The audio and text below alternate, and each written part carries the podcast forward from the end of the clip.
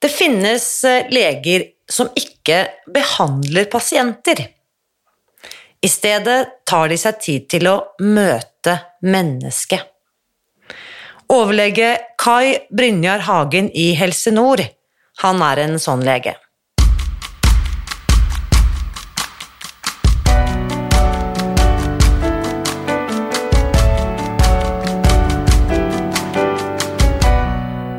Mitt navn er Irina Lie. Jeg er journalist og forlegger, gründer og sosial entreprenør.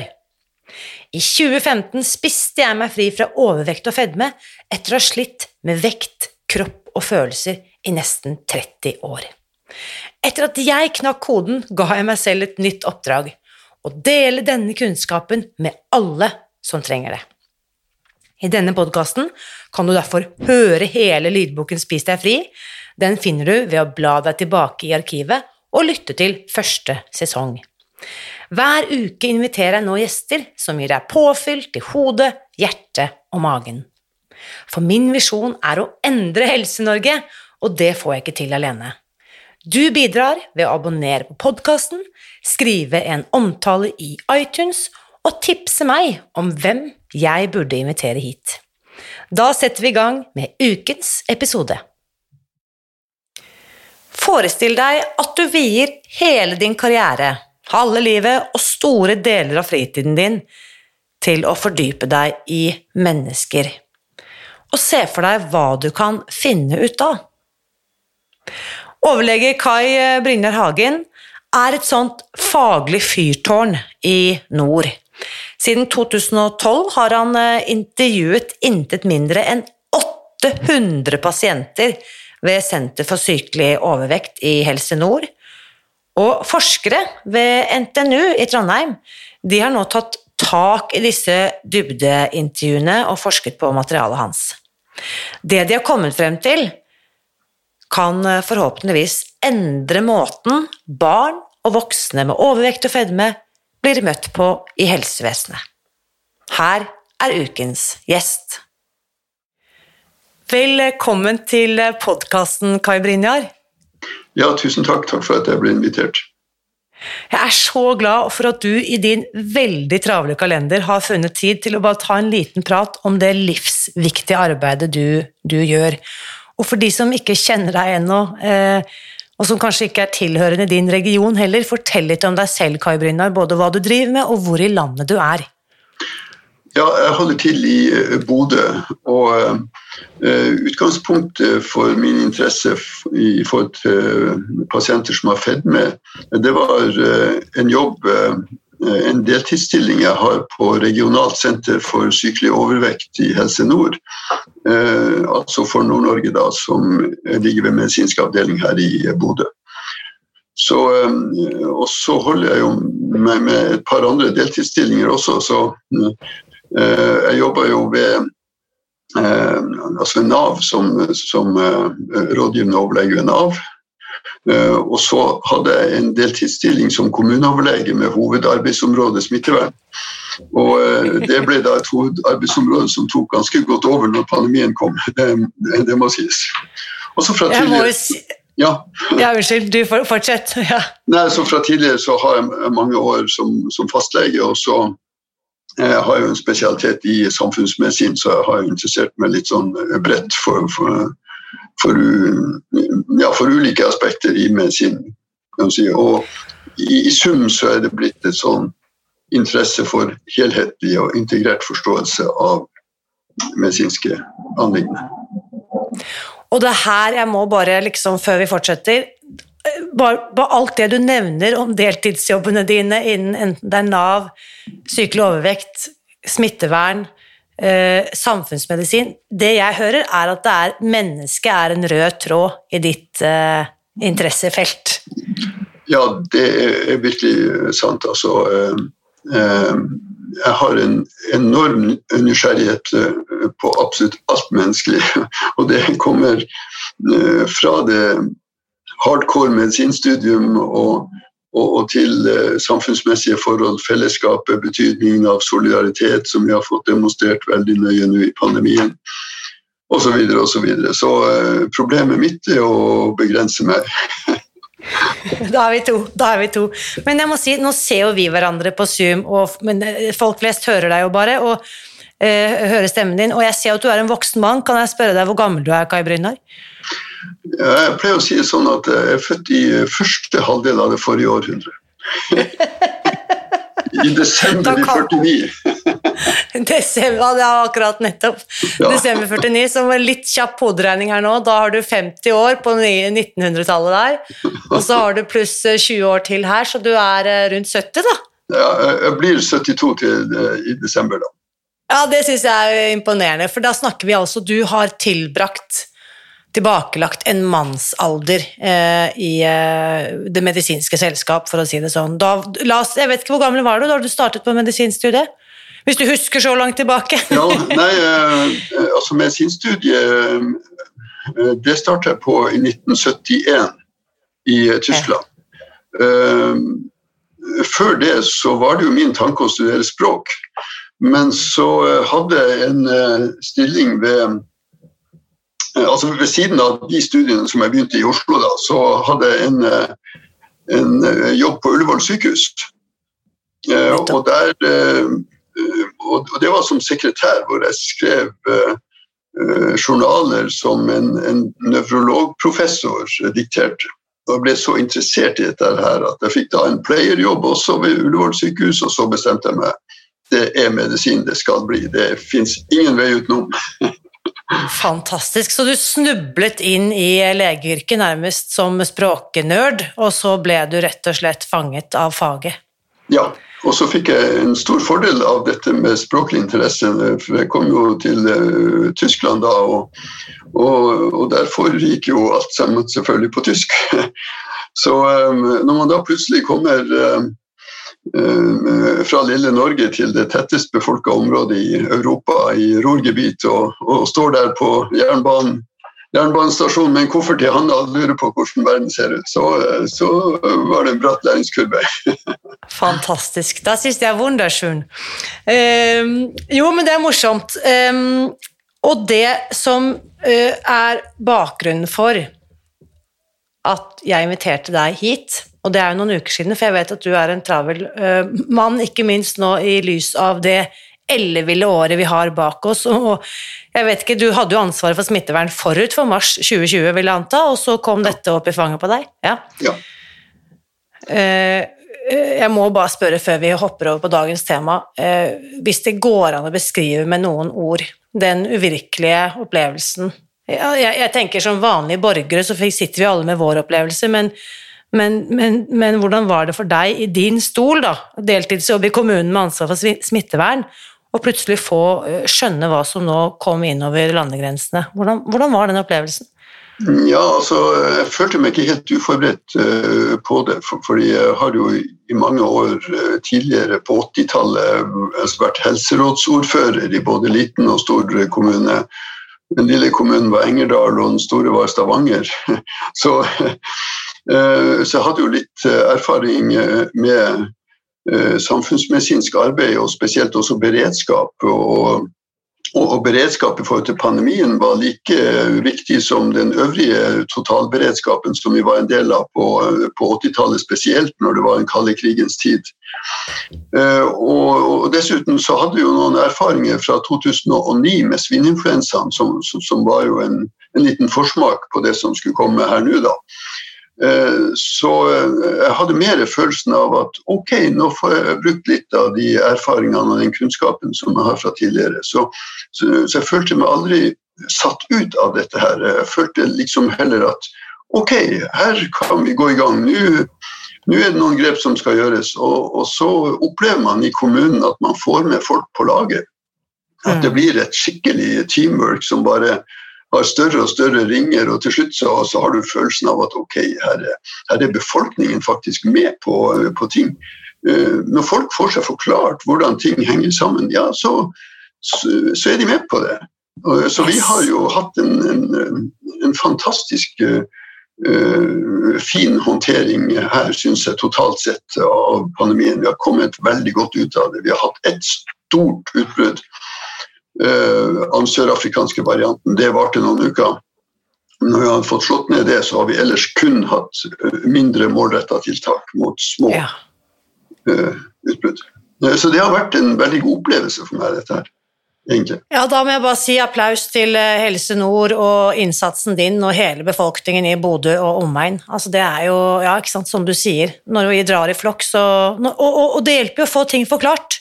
Hvorfor det er viktig å sprite hender og holde avstand og følge retningslinjene. Mm. Ja, altså Folk eh, er jo fornuftige. Altså, hvis de får fornuftige forklaringer og og opplysning om ting, så, så, er det mest nærliggende å gjøre de riktige tingene. Yes. Og da la, la jeg dette eh, ikke sant? Hvis folk får liksom riktige opplysninger, så er det nærliggende for dem å gjøre de rette tingene. Da lar jeg det være overgangen til det vi egentlig skal snakke om, grunnen til at jeg inviterte deg.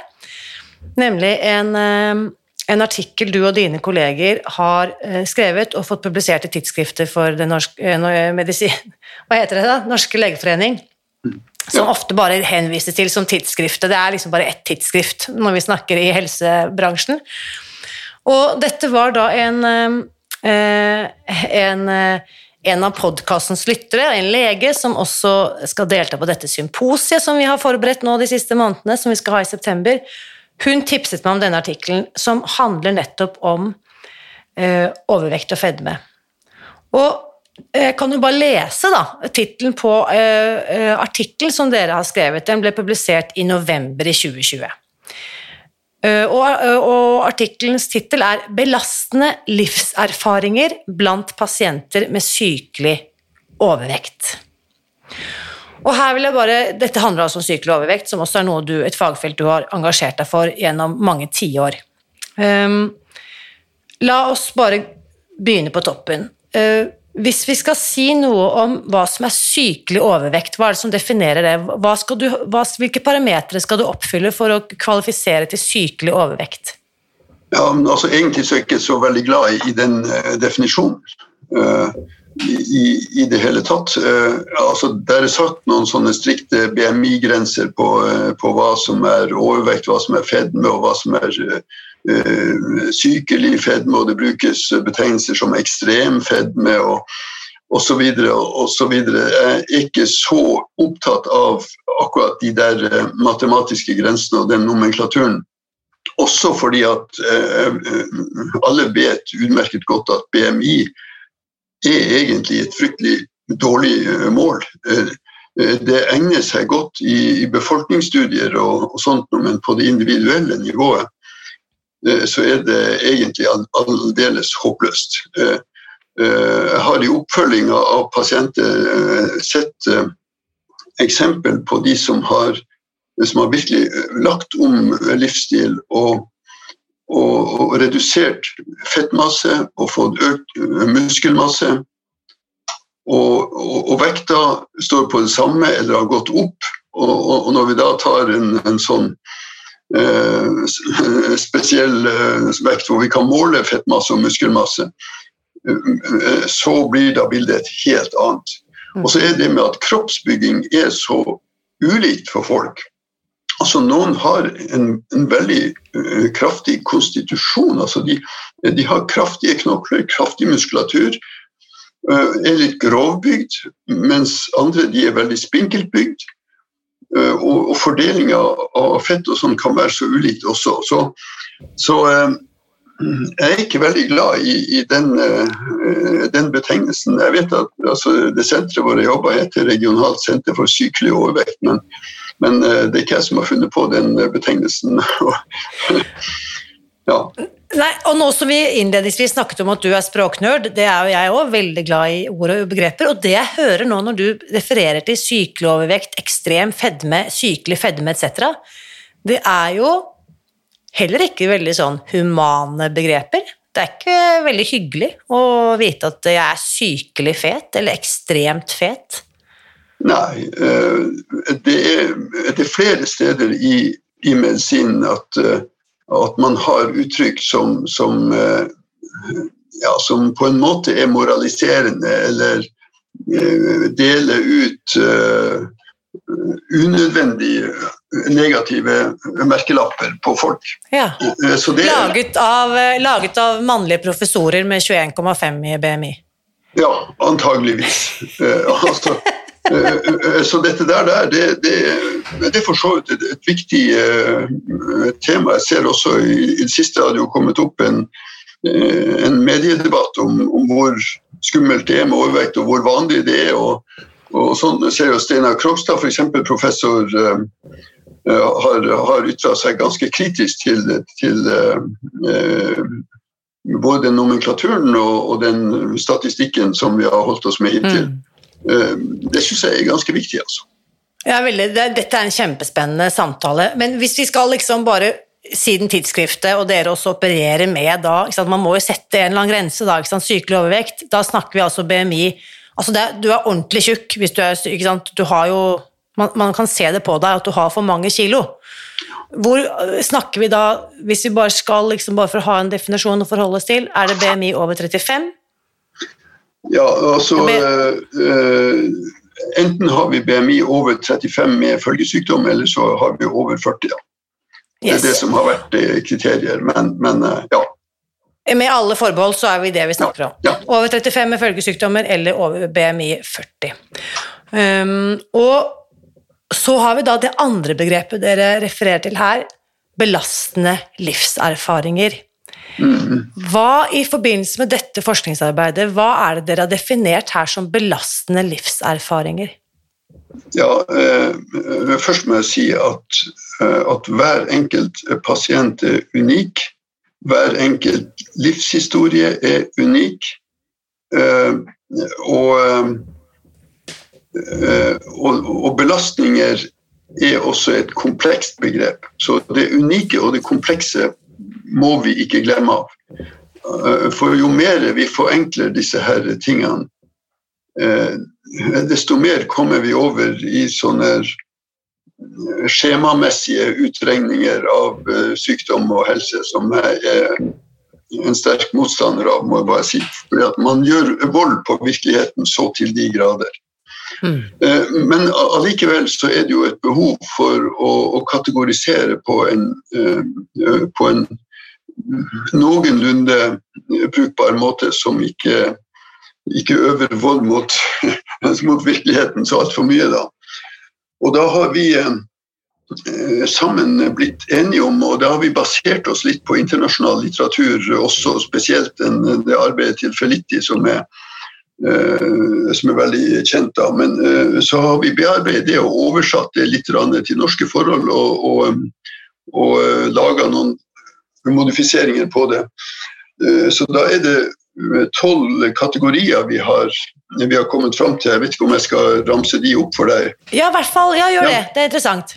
Ja, for det ene, den ene var jo da eh, en opplevelse av vesentlig utrygghet i, i barndom og oppvekst. Eh, andre var en følelse av manglende omsorg fra foreldre. Eh, jeg vet ikke om jeg skal nevne noen eksempler, men eh, Nevn de tolv kategoriene først, Ja. så kan vi komme tilbake til noen eksempler etterpå. Dette ja. Jeg kjenner liksom at jeg, jeg bare tenker på Ja, nei, jeg skal Jeg, jeg lytter. Mm. eh, å, å være vitne til vold og eh, være utsatt for fysisk vold, være utsatt for psykisk vold, være utsatt for seksuelt misbruk eller overgrep, utsatt for uh, mobbing,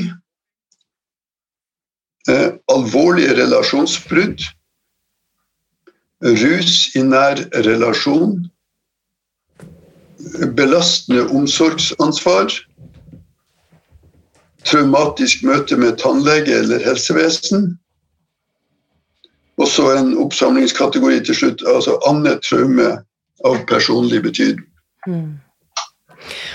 Det er nesten så jeg får tårer i øynene Kai Brynar, når jeg hører deg liste opp denne rekken med kategorier. For eh, jeg kjenner meg selv igjen i mange av de kategoriene. Jeg kunne ha plassert meg inn der. Mm. Og så tenker jeg på alle de kvinnene og mennene jeg har møtt gjennom det arbeidet her de siste fem årene, og hvor mange som har fortalt meg om akkurat dette. Ja. Ja, det, eh, jeg har jo eh, intervjua over 800 eh, pasienter, altså eh, sånn den første utredningen da når de kommer til senteret. Og de kommer jo fra hele Nord-Norge, og det er jo presumptivt de som sliter mest med sin fedme fra Nord-Norge, da. Så det er de jeg har, har utreda 800 av eller mer enn det. Og jeg har satt av minimum to, to klokketimer til hver enkelt. Wow. For jeg syns at, at tidsaspektet her er bare helt avgjørende. Det er ingen som kommer inn på en femminutters konsultasjon til en lege og så, og så plumper ut med at jeg ble voldtatt da jeg var fem år gammel. Mm. Det skjer bare ikke. Mm. Og Uh, apropos det eksempelet, det er faktisk et reelt eksempel også, det da, bare så det er nevnt. Uh, der var det en kvinne fra, fra Nord-Norge da på, på, et eller annet årstall som fortalte meg det at hun ble utsatt for et grovt overgrep da hun var fem år gammel. Hun ble, hun ble faktisk tvunget til munnsex da. Og, og ble samtidig fortalt at hvis du sier dette til et eneste levende menneske, så knekker vi mora di. Så hun hadde ingen steder å gå med sin, uh, sin egen panikk og angst. Uh, og det hører med til historien det enorme stresset hun da opplevde. Hun forandra seg jo, og ingen skjønte hvorfor. Hun var overvektig fra dag én på skolen. Mm. Og uh, da er jo resten av historien uh, nesten gitt av seg sjøl. Da er det mobbing, da er det mer utenforskap, overvekt, utvikling videre. Og, og, hele tida så går da med et, et traume som aktiverer kroppen noe voldsomt. Du er på en måte i en alarmtilstand konstant. Mm. Og, og, vi mennesker er ikke konstruert for å ha en langvarig brannalarm gående i kroppen. Altså kan, hvordan, eh, hvordan, håndterer vi det? Hvilke verktøy, altså hva er det vi tyr til da for å håndtere den brannalarmen? Ja, Det er et veldig godt spørsmål. For, uh, for, det som da skjer Jeg må bare først si at altså, vi klarer å respondere og mobilisere veldig mye i en akuttsituasjon. Det er vi godt innretta for. Men den vedvarende, langvarige alarmen, som en, som en lavgradig brannalarm som står på hele tiden, det har store konsekvenser på sikt. Det er noe som for det første bruker mye av din energi. Sånn at batteriet ditt som skulle normalt sett vært så stort. Det blir bare så stort. Mm. Du har mindre å gå på. Du blir, du blir raskere eh, trøtt og sliten. Og skjønner ikke eh, kanskje hvorfor. Verken du eller andre skjønner hvorfor. Med konstant uh, tretthet og mindre overskudd til ting og deltar lite på, på det meste utover det aller nødvendigste om dagen. Uh, så er dette også da forbundet gjerne med det jeg kaller for en emosjonell smerte. Og, og, det er jo litt merkelig at sånn rent fysiske smertetilstander, det, det skjønner vi jo, og det, det kan vi forholde oss til. Men jeg mener det at vi burde ha et, et begrep emosjonell smerte, for det er det folk forteller om. Det er noe som gjør vondt. Det er noe som stadig gjør vondt, og stadig både aktiverer og, og uh, egentlig har en, en, masse fysiske konsekvenser også, både på immunsystemet og på altså F.eks. en konstant inflammasjonstendens ut av dette. Og en, og en rekke andre ting uh, som kanskje er rent fysisk også. Og så er det da tilbake til ditt spørsmål. Uh, hvordan forholder man seg til det? Eh, det er klart, Hvis man har en fysisk smerte, så vil man jo gjøre hva som helst nesten for å få den for å lindre den, for å få den bort. Og jeg tror at akkurat det samme gjelder med en emosjonell smerte.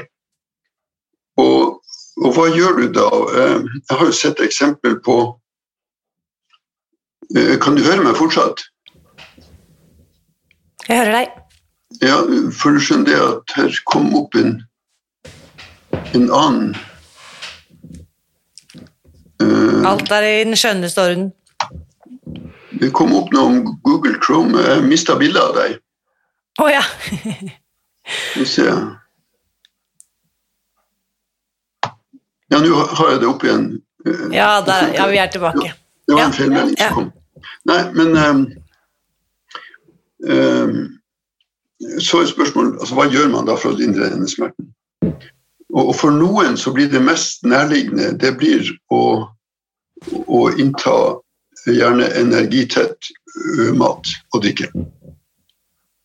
Jeg bruker å sammenligne det fra mitt eget liv med altså, travle nattevakter hvor du egentlig er trøtt og, og, kanskje litt ukonsentrert, og plutselig så er det blålys overalt, og det kreves fryktelig mye av deg. Da spiser ikke jeg en grønn salat. Da tar jeg et, et uh, marsipanbrød med sjokolade. Mm. Og da skjer det to ting. For det første så blir jeg roligere. Uh, og jeg blir litt mer våken. Yes. Det har en gunstig, det har en stresslindrende effekt. Og, og, samtidig, i hvert fall kortvarig, gjør meg mer våken. Det er det jeg trenger akkurat der og da. Yes. Og, og jeg kan spise så mye grønn salat som jeg bare vil, men det hjelper jo ikke.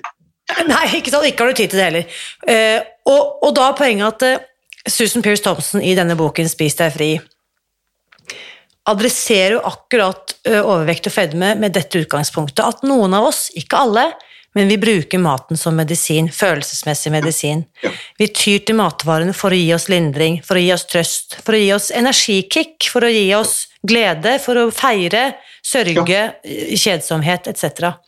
Og det var en annen som også sa til meg, en veldig klok dame, som sa når skal helsemyndighetene begynne å adressere mat som følelser? Ikke som karbohydrater og protein og kilokalorier og alt det som vi mm. forviller oss i. Det er egentlig Når skal vi begynne å snakke om maten som følelser? At vi faktisk spiser våre følelser. Og det syns jeg var veldig klokt sagt. veldig på en måte et, et viktig, En viktig dimensjon. Og det er jo det, det arbeidet dere har gjort i, tidsskrift, i dette tidsskriftet. Eh, artikkelen. Jeg skal bare eh, lese litt av noen av de funnene.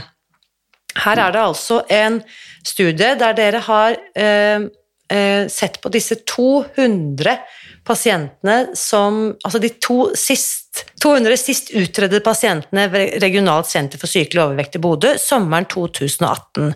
Mm. Og da vil jeg anta at dette er de intervjuene du refererte til, at, eh, at det er det som har vært grunnlaget for studien. Eh, det var 200 av de pasientene jeg hadde utredet. Nettopp. Eh, og opplysninger om belastende livserfaringer ble innhentet i kliniske dialoger. Det var det, dette du henviste til. Og så er det da Dette omfattet eh, eh, 70 eh, eh, Altså, studien rekrutterte 70 deltakere, hvorav 57 kvinner med sykelig overvekt. Og av disse fortalte 64 personer, altså 91% om minst én vesentlig og belastende livserfaring. Og hele 56% altså over halvparten, fortalte om tre eller flere ulike typer av de eksemplene du nevnte tidligere. Og det, du, eh, det dere skriver her, og dere er jo mange forfattere, vi æres alle som æres bør, men hyppigst eh, av disse belastende livserfaringene var alvorlig relasjonsbrudd, manglende omsorg fra foreldre, og andre vonde barndomserfaringer. Ja. Dette er voksne kvinner og menn vi snakker om her. Dette er ikke tenåringer som kommer inn til dere, dette er voksne mennesker. Ja. De har dratt på seg denne sykelige overvekten, for å fortsatt bruke det stigmatiserende begrepet, over mange, mange år, sikkert flere tiår. Mm. Ja. Og da har jo dere sett på, ikke sant um, selvfølgelig også tidligere forskning, og jeg syns spesielt dette var interessant, det dere henter her Nå hadde jeg dette akkurat fremme. Dere viser bl.a. til en studie fra 1998, den såkalte ACE-studien. Ja, det var Adverse, ja. ja, nettopp. Adverse Childhood Experiences. Som viser en sammenheng mellom traumatiske barndomserfaringer og sykelig fedme i voksenlivet. Det, hvis vi skal ja. veldig kort oppsummert i forhold til det arbeidet fra 1998, og da satt jeg og regnet på fingrene her det er 23 år siden.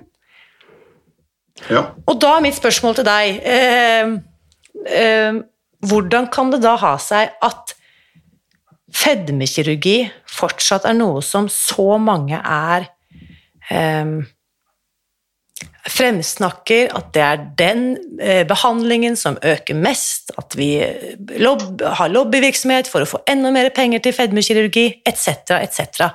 Hva hva er det jeg ikke skjønner, som fagfolkene skjønner?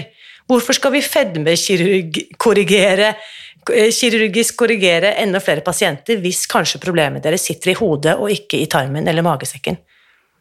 Eh, det er et veldig godt spørsmål, og jeg syns det er eh, dypt uh, problematisk at man skal operere på friske organer uh, i forhold til dette. Jeg ser på, på fedmekirurgi, i hvert fall i flertallet av tilfellene, som, som det ytterste av den symptomatiske behandlingen av, av de som har fedme. Bare illustrere litt for de som ikke er kjent med terminologien. sånn Eh, altså Hvis jeg brekker beinet, så, eh, så, vil jo noen finne en pasient som A har smerter, B men klarer ikke å gå. Eh, så da er eh, det en symptomatisk diagnose. Og symptomterapien er da smertestillende og så en rullestol. Og så er man ferdig med den saken. Jeg vil jo være fornøyd med den behandlinga i et par timer, og så vil jeg etterspørre noen som kan eh, gi meg en kausal diagnose, nemlig at bein er av. Og en kausal terapi, knokkeldoktor som skrur sammen bein. Når det gjelder fedme, så, eh, så er det kun den symptomatiske terapien som har vært Eh, praktisert. Altså man har fått fryktelig mange gode råd, de fleste visste man på forhånd. Og øh, øh, det symptomet fedme, symptomet overspising og sånt, som, som hele tida adresseres på forskjellig vis. Også det at man skal bevege seg osv. Men øh, jeg syns ikke det var nok jeg synes det var viktig å, å se på hva, altså var faktisk årsaken til dette. Har ikke vi i helsetjenesten en ambisjon om å ta under roten, altså behandle årsaken til, til sykdom, istedenfor å, å bare surfe på symptomoverflaten? Og når jeg begynte på uh, Fedme-klinikken, så så var det jo et spørsmål om mange at de hadde noe i bagasjen og sånt. Så det var noe liksom Så hadde man kryssa for det. Det var ikke noe mer snakk om det temaet. Og så tenkte jeg hva er det i den bagasjen? Og hva, øh, når de begynte fedmeutviklinga, og, og, hva kan være årsaksfaktorer til dette her? Og så begynte jeg å grave litt i det, og så, og så kommer sånne korrelasjoner som i det eksempelet jeg nettopp nevnte. at Eh, du blir altså utsatt for en voldsom påkjenning når du er fem år gammel. Og når du er sju år gammel, så har du allerede eh, klart eh, fedme. Og det er vel å merke én eh, mestringsstrategi. Jeg, definerer jo disse belastende livshendelsene som, eh, som en påkjenning som går utover din mestringsevne på det tidspunktet. Og, det er da jeg tror at disse følgetilstandene kommer. Alle blir jo utsatt for en eller annen type påkjenning. Eh, men folk har forskjellig eh, altså mestringsevne, har forskjellig eh, mulighet for å takle det på en, på en bra måte. Det avhenger jo av omgivelsene og støttefaktorer og friskhetsfaktorer og hele den økologien som ethvert menneske er en del av, egentlig. Men eh, når man kommer dit hen at dette blir noe som man faktisk ikke klarte å mestre, så, så, prøver man å lindre den emosjonelle smerten med mat. Noen prøver det helt motsatte, de blir anorektisk. Eh, noen prøver å lindre det med rus. Eh, og, og, og noen selvfølgelig med selvskading. Eh, det har jo alltid gjort veldig dypt inntrykk på meg å sitte på legevakta og få inn, eller som fastlege og få inn folk som har kutta seg. Fordi de da fikk en liten pause fra det som gjorde så vondt i sjela. Mm. Eh, altså det er liksom eh, Det har vært en voldsom påkjenning bare å oppleve hvor langt dette kan gå. Og, og rope etter, etter lindring. Og, og, mange av de som har fedme, eh, har vært innom disse andre tingene. Jeg kan spørre hvordan var det med selvskading? Jo, når jeg var tenåring, så, så kuttet jeg meg ofte. Mm. Altså, noen eh, har vært langt på vei inn i anoreksi før de har switcha over til fedme isteden. Så alt dette er jo bare fortvilte måter å prøve å lindre mm. den her emosjonelle smerten på. Dette et, et traume som man, som man, går med. Da. Og jeg anklager helsevesenet for å være organisert, særlig spesialisthelsetjenesten, organisert etter symptomer og ikke etter kausalitet. Eh, Årsak. Mm. Ja. Eh, det kunne jeg sagt mye om. Det, det ja, og da, jo, men jeg, og jeg, jeg, må bare si at jeg syns det er veldig modig av deg Kai Brynjar, å være i den stillingen du er, eh, med den kompetansen du har, og tørre å si dette høyt. For jeg, jeg, tror mange, også mange medisiner og fagfolk, tenker dette, men det er ikke jeg har skjønt at det er en ganske sånn heftig stammetilhørighet blant leger. Vi skal eh, beskytte hverandre og forsvare hverandre i tykt og tynt, og måten vi jobber på, men det jeg hører her, er jo en ganske eh, kritisk tilnærming til hvordan vi møter pasienter med overvekt og fedme. Jo, men er ikke det på den måten at vitenskap har gått videre, at, at vi får lov til å være kritiske og analytiske? Hvorfor er det vi fagfellevurderer eh, artikler til tidsskrifter? Hvorfor er det tidsskrifter ligger åpent for at alle kan si sin, sine meninger? Skal vi glemme alt det der når vi befinner oss utenfor tidsskriftets uh, sfære? Det går jo ikke an. Dessuten så tror jeg ikke at det først og fremst er bare stammetilhørigheten blant leger, for det går friske diskusjoner mellom leger. Eh, men det er noe med at når du kommer inn i et system eh, Jeg kan jo eh, bare nevne at, at det ikke uten videre har vært greit å, å, få, å få satt av to klokketimer til hver enkelt fedmepasient til utredning. Dette har jo noe med økonomi og sykehusets økonomi å gjøre. og altså Hvordan er hele den strukturen lagt opp med finansiering av helsetjenester eksempel, og styring av det? Jeg skulle akkurat til å si det, fordi jeg hadde et eh, Jeg kan ikke kanskje påberope meg at jeg hadde et panikkanfall, men jeg hadde tilløp til et ganske ubehagelig Jeg hadde en psykisk ubalanse, kan vi si, for et år siden med, i kjølvannet av pandemien, og hadde fått booket meg en time hos fastlegen, og var litt sånn utenfor meg selv. Og, og, og hadde gjennomgått en sjokkartet vår. Jeg måtte liksom Og fikk tatt noen blodprøver og vise at jeg har jernmangel og sånn òg, men anyways. Og da, og da, sitter jeg hos henne, og hun er en fantastisk fastlege. Men da gikk altså alarmen hennes, altså tidtakeren hennes, av etter 15 minutter. Ja, ja, sant. Uh, ikke sant? Og, da, og så sa hun ja, jeg, må, ja jeg, jeg, jeg, kan jo sitte her og snakke med deg hele dagen, vet du, Irina, så jeg må, eh, av hensyn til neste pasient har jeg nå begynt med tidtagning. Supert. Fikk du svar på det du lurte på? Kjempebra, da ses vi, og bare book en ny time hvis du vil snakke mer.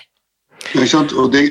Og, og, ja, og, og jeg, det, det, gikk jo fint. Jeg fikk svar på det mest akutte, og jeg har heldigvis mange andre kloke samtalepartnere i livet mitt som ikke tar fem, gir meg 15 minutter av sin verdifulle tid, og det er ikke noe kritikk av fastlegen eh, som person, men det er systemet. Ja, det er systemet. Og, og jeg har jo også eh, ganske mange års erfaring som fastlege. Og, og det å, å sitte i et system der du faktisk ikke får lov til å gjøre det du mener er faglig riktig og humant mot folk, eh, det er håpløst. Så eh, jeg var så heldig å ha en fastlønna fastlegestilling og en forståelsesfull kommune. Så at jeg har hatt delvis tiltatt meg og delvis fått noen muligheter. For jeg kunne ikke klare å gå på akkord med, med det jeg syns var det riktige å gjøre. Og, og, det er også veldig utilfredsstillende. Jeg har for så vidt hatt som pasienter eh, flere som har jobba som hjemmesykepleier, f.eks. Og, og som må springe etter klokka, og som må forlate pasienter eh, som absolutt skulle trenge noe mer. Og, og det er, jeg syns det er et overgrep, ikke bare mot pasienten, men det er et overgrep mot, altså mot arbeidstaker, også mot den sykepleieren. Mm. Eh, som da eh, som må gå fra en, en, gråtende pasient fordi at ja, nå har jeg fem minutter til nestemann. Ja. Altså, det er sånne historier som altså, Det er slitasje på folk. Eh, yes. De som, som får lov til å å utføre en, en faglig veldig god jobb. Uh, og uh, da, kan de, da, kan de, jobbe så mye som helst. De blir ikke sliten på samme måten. Men du blir sliten av at du bare får gjort halvgjort jobb hele tiden. Og, og tenker på hvordan går det nå med den, da? Hvordan skal det gå videre? Hvordan skal vi få hjulpet den? Det er slitsomt. Og der uh, kommer både samfunnsmedisin og ikke minst helsepolitikk inn i, i bildet. Altså. Ja, og dette er jo en kjempestor diskusjon og en, en mm. samtale som jeg har faktisk tenkt å bruke nå. Eh, apropos det du sier her, helsepolitikk. Nå skal vi inn i et stortingsvalg. Er, ja. Vi er liksom på siste oppløp nå, ikke sant? inn mot valget. Og jeg frykter jo at pandemihåndteringen har liksom eh, Man har bare tatt liksom hele bordet og så bare skyflet alt annet ned på, på gulvet. Ja. Og så ryddet bordet. Nå er det pandemi som gjelder. Så tenker jeg sånn Vent litt nå. Eh, og ikke til forkleinelse for pandemien, de skal få sin, sine tilmålte 15 minutes of fame, men vi glemmer jo at helse, eh, unnskyld, fedme og overvekt er jo en av de store driverne, ikke sant? Eh, store faktorene, livstruende faktorene i liksom både helsebudsjett og ta liv hver dag. Ja visst, og det er jo en, en pandemi Den er jo virkelig global. Og, den er global og, og har vart lenge. Mm. Og har vart lenge, og den er bare litt langsommere enn viruset. Mm. Uh, som har plaga oss nå. Uh, så derfor så er det en, uh, en pandemi som, som aldri har blitt tatt skikkelig på alvor. Og, og, mm. og jeg tror veldig mye av årsaken til det er eh, altså moralistiske eh, forestillinger. fordi at Innerst inne så er det så mange som tenker at ja, men kan du ikke bare la være å spise så mye? Det er jo enkelt å, å ordne opp med, med, med fedme. Spis mindre, så er det gjort. Og, og, og, hvis du ikke gidder å spise mindre, ja, men, men da ja, da er du personlighetsmessig sånn at ja, du har deg sjøl å, å, takke for det. Og, Yes. I det bokkapitlet som jeg bidrar til i en, en bokutgivelse her uh, i fjor også, uh, så,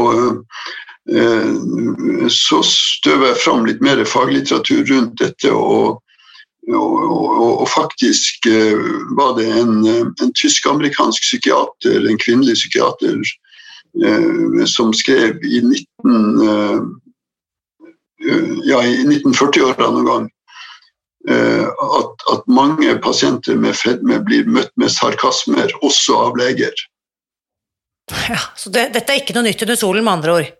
Nei, og det var en psykiater som heter Hilde Bruch, og hun har vært uh, faktisk uh, en god del av grunnlaget for barne- og ungdomspsykiatrien, har jeg skjønt i ettertid. Men jeg fant ja. i forhold til fedme, og, og, og, da har man altså i, i, i begynnelsen av krigstiden altså, så har man Eh, så har man allerede påpekt at, at selv leger og helsevesenet eh, ser ned på de med fedme og, og har bare sarkasmer til overs. Så jeg tror der ligger noe av årsaken til at denne pandemien går videre. Ja, og, ja, og dette er også Min inngang til dette feltet er jo fra pasientperspektivet. Å sitte der og føle meg dum, dust, liten, kunnskapsløs, grådig, lat, feit. Mm. Å komme der og bli møtt med Kan du ikke bare uh, unnskyld at jeg spør, men kan du ikke bare spise litt mindre og bevege deg litt mer?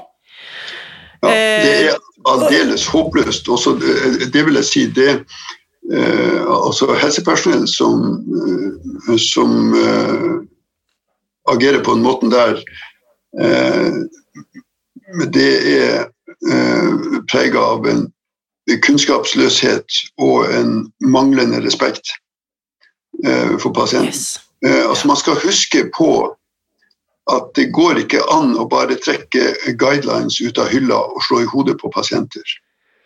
Eh, det man må gjøre, det er å kombinere allmennmedisinsk eh, eh, kunnskap med den kunnskapen som den enkelte pasienten sjøl sitter på. Det er da først i møtet mellom de to kunnskapsbasene at man kan komme videre, etter mitt skjønn. Før vi runder av, Kai Brynjar, så vil jeg bare eh, æres de som æres bør. I denne artikkelen eh, i tidsskriftet da, eh, fra november 2020, 'Belastende livserfaringer blant pasienter med sykelig overvekt', den kan hvem som helst google. Den har altså eh, De som har bidratt til den, er i tillegg til deg Elin Stranden, Ida Foyn Gundersen, Linn Getz, Anna Louise Kirkeengen og Bente Prytz Mjølstad. Så Ja. bare de bør også her, dette er medforfatterne til denne veldig viktige artikkelen. Og, og sånn som jeg nevnte for deg før vi startet opptaket her, vi arrangerer nå dette symposiet 1.9.2021 eh, for fastleger og helsepersonell og andre som jobber med denne pasientgruppen, der vi skal se litt på hvilke verktøy vi har for å hjelpe kvinner med overvekt og fedme. Og jeg vet, nå har jeg invitert deg til å delta i panelet der, og hvis det passer i kalenderen, så har du også da eh, meldt din interesse for å bidra til det symposiet. Ja, den kalenderen blir uansett rydda for det formålet, det kan du være sikker på. Ja, så fantastisk! Tusen takk. Og da vil jeg bare spørre eh, Da ble jeg skikkelig glad. Eh, For jeg tror jo på kollektiv kunnskapsdeling. Når vi har kunnskap, og det arbeidet dere har gjort, og som også vi, vi så tilbake til 40-tallet, eller ACE-studien fra eh, 1998 denne kunnskapen må ut til de som er der ute i legestolene og møter pasientene på legekontorene. Ja. Helt til slutt eh, Ja, unnskyld. Ja, jeg har jo også eh, noen ganger vært litt sånn forbausa over hvor lang tid kunnskapen bruker for å komme til det stedet hvor den kan ha effekt. Ja. Jeg har et lite eksempel, hvis jeg får nevne det. Eh, ja. Eh, Vi hadde jo en miljøminister som het Harald eh, Berntsen. Eh, Han sa det at når han jo- jobba på Aker Mek og sto midt i asbestføyka der, så var det bare noen hundre meter opp i, i byen at Oslo helseråd satt med god kunnskap om hva asbest gjør med folk. Men den kunnskapen klarte ikke å bevege seg fra Oslo helseråd ned på Akersmek. Nei. Nei, Og det samme opplever vi på, på forskjellige måter når det gjelder fedme også, tenker jeg. Ja. Ting tar grusomt, tragisk lang tid. Mm, og da lurer jeg på Hvis du går inn på Helsedirektoratets retningslinjer i dag, i juni 2021, og ser, så står det jo der anbefalt at liksom gullstandarden fra helsemyndighetene er jo beveg deg, eh, spis mindre og beveg deg mer. Hva, hvis vi kan ha en liten appell til enten det er helsepolitikere eller helsefaglige myndigheter, hva skal vi gjøre med det rådet, Kai Brynjar? Eh, Jeg mener det at, eh, at man skal revidere eh, dette her ganske så grundig og basert på oppdatert kunnskap. Og så, og så må dette holdt på å si, fagfellevurderes, legges ut til en skikkelig runde på, eh, på forhånd, sånn at man får et produkt som, eh, som er både oppdatert og, og kvalitativt eh, eller holde en, en høy kvalitet som virkelig kan hjelpe folk videre.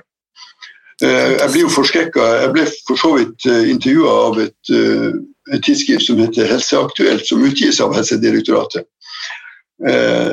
Der eh, var det en eh, pasient, hun het eh, Hege Bekkelund Moe. Hun sa når hun kom til eh, den fedmeklinikken vår da Da sa hun at hun hadde ingen forventninger, men da overlege Kai Hagen spurte meg om hvordan jeg hadde hatt det i barndommen, kunne jeg ikke tro mine egne ører. Det hadde aldri noen lege spurt meg om før. Mm. Aldri noen hadde spurt, og det er helt typisk det hun forteller der, fordi at øh, øh, betydningen av livshistorien og av den kunnskapsbasen som den enkelte pasienten sjøl har, den innsikten man sjøl har i, i, egne forhold, det blir altså neglisjert. Altså man går glipp av uh, uh, kanskje det aller vesentligste for å, for å komme videre. Og uh, altså man må tenke på det som Søren Kirkegaard har sagt, at skal du hjelpe noen, så må du ta utgangspunkt der vedkommende befinner seg. Og selvfølgelig ikke alle andre steder. Men det glemmer vi i helsevesenet, dessverre. Ja, så der har vi en liten kamp foran oss. Ja, ikke en liten heller. Og jeg er så glad for at jeg kan få lov til å stille, være på lag med sånne bautaer som deg. Så tusen, tusen takk, Kai Bryna, for det livsviktige arbeidet du, du gjør. Takk. Takk for praten. Nå lurer jeg på, hva tenker du etter å ha hørt min samtale med Kai Brynjar i dag? Hva var det som ga deg gåsehud, eller hva var det du kjente deg igjen i? Eller hvis du er som meg, som noterer alle gullkorn jeg hører, hva er det du har skrevet ned i notatboken din etter å ha hørt eh, dagens eh, samtale? Jeg gleder meg til å lese dine takeaways og tilbakemeldinger, så hopp inn i den åpne Facebook-gruppen eh, Spis deg fri, og del dine refleksjoner der. For som Kai Brynjar og jeg snakket om i dag, det hjelper ikke at forskerne vet alt dette hvis eh, kunnskapen deres ikke kommer ut til resten av befolkningen og alle de som trenger denne kunnskapen, enten det er snakk om leger, fastleger, pasienter eller politiske beslutningstagere. Og dette gir meg da en glimrende mulighet til å minne om årets faglige høydepunkt for alle alle oss som er lidenskapelig opptatt av dette fagfeltet, nemlig symposiet om overvekt og fedme blant kvinner, som vi arrangerer onsdag 1.9.2021. Hvis du er fastlege, forsker, helsepersonell eller student, eller jobber med denne pasientgruppen på et eller annet nivå, så er du hjertelig velkommen til å melde deg på. Det gjør du ved å gå til eh, www.spisdegfri.no skråstrek symposium. Og etter forrige ukes eh, episode så var det også en tannlege som tok kontakt eh, og lurte på om tannleger og tannpleiere kunne få lov til å melde seg på symposiet. Og jeg tok da, bare for sikkerhets skyld, en liten avsjekk med legene som deltar i arrangementskomiteen, og vi er hjertens enige eh, om dette, at vi sier ja, 100% velkommen skal dere være, også alle tannpleiere og tannleger. Det samme gjelder kiropraktorer, fysioterapeuter, osteopater, naprapater og, og, andre helsefagarbeidere som jeg ikke nødvendigvis har helt eh, oversikt over. Kort fortalt, hvis du jobber med kvinner som sliter med overvekt og fedme, kan du melde deg på. Og det gjør du ved å gå til www.spisdegfri.no symposium. Og så har jeg lyst til å plukke ned en av de andre ballene som eh, Kai Brynjar kastet opp i, i dagens samtale, nemlig politikernes ansvar på dette feltet. Så frem mot valget i september så har jeg lyst til å invitere helsepolitikere fra alle de ulike partiene. Og da har jeg lyst til å spørre deg om hjelp til å gjøre disse samtalene så interessante som mulig det første jeg er nysgjerrig på, hvem synes du jeg burde intervjue, og hva synes du jeg burde spørre vedkommende om? Bli med inn i eh, den åpne Facebook-gruppen Spis deg fri, og kom med dine innspill. Så skal jeg plukke med meg eh, dine tilbakemeldinger og stille de spørsmålene til de eh, folkevalgte som til syvende og sist sitter med makten og tar disse beslutningene. Husk også vi har alltid et valg, hver dag, selv på dager hvor det ikke er stortingsvalg. Så uansett hva du velger å gjøre for å ta vare på deg selv og din helse i dag, så vit at jeg heier på deg. Alltid!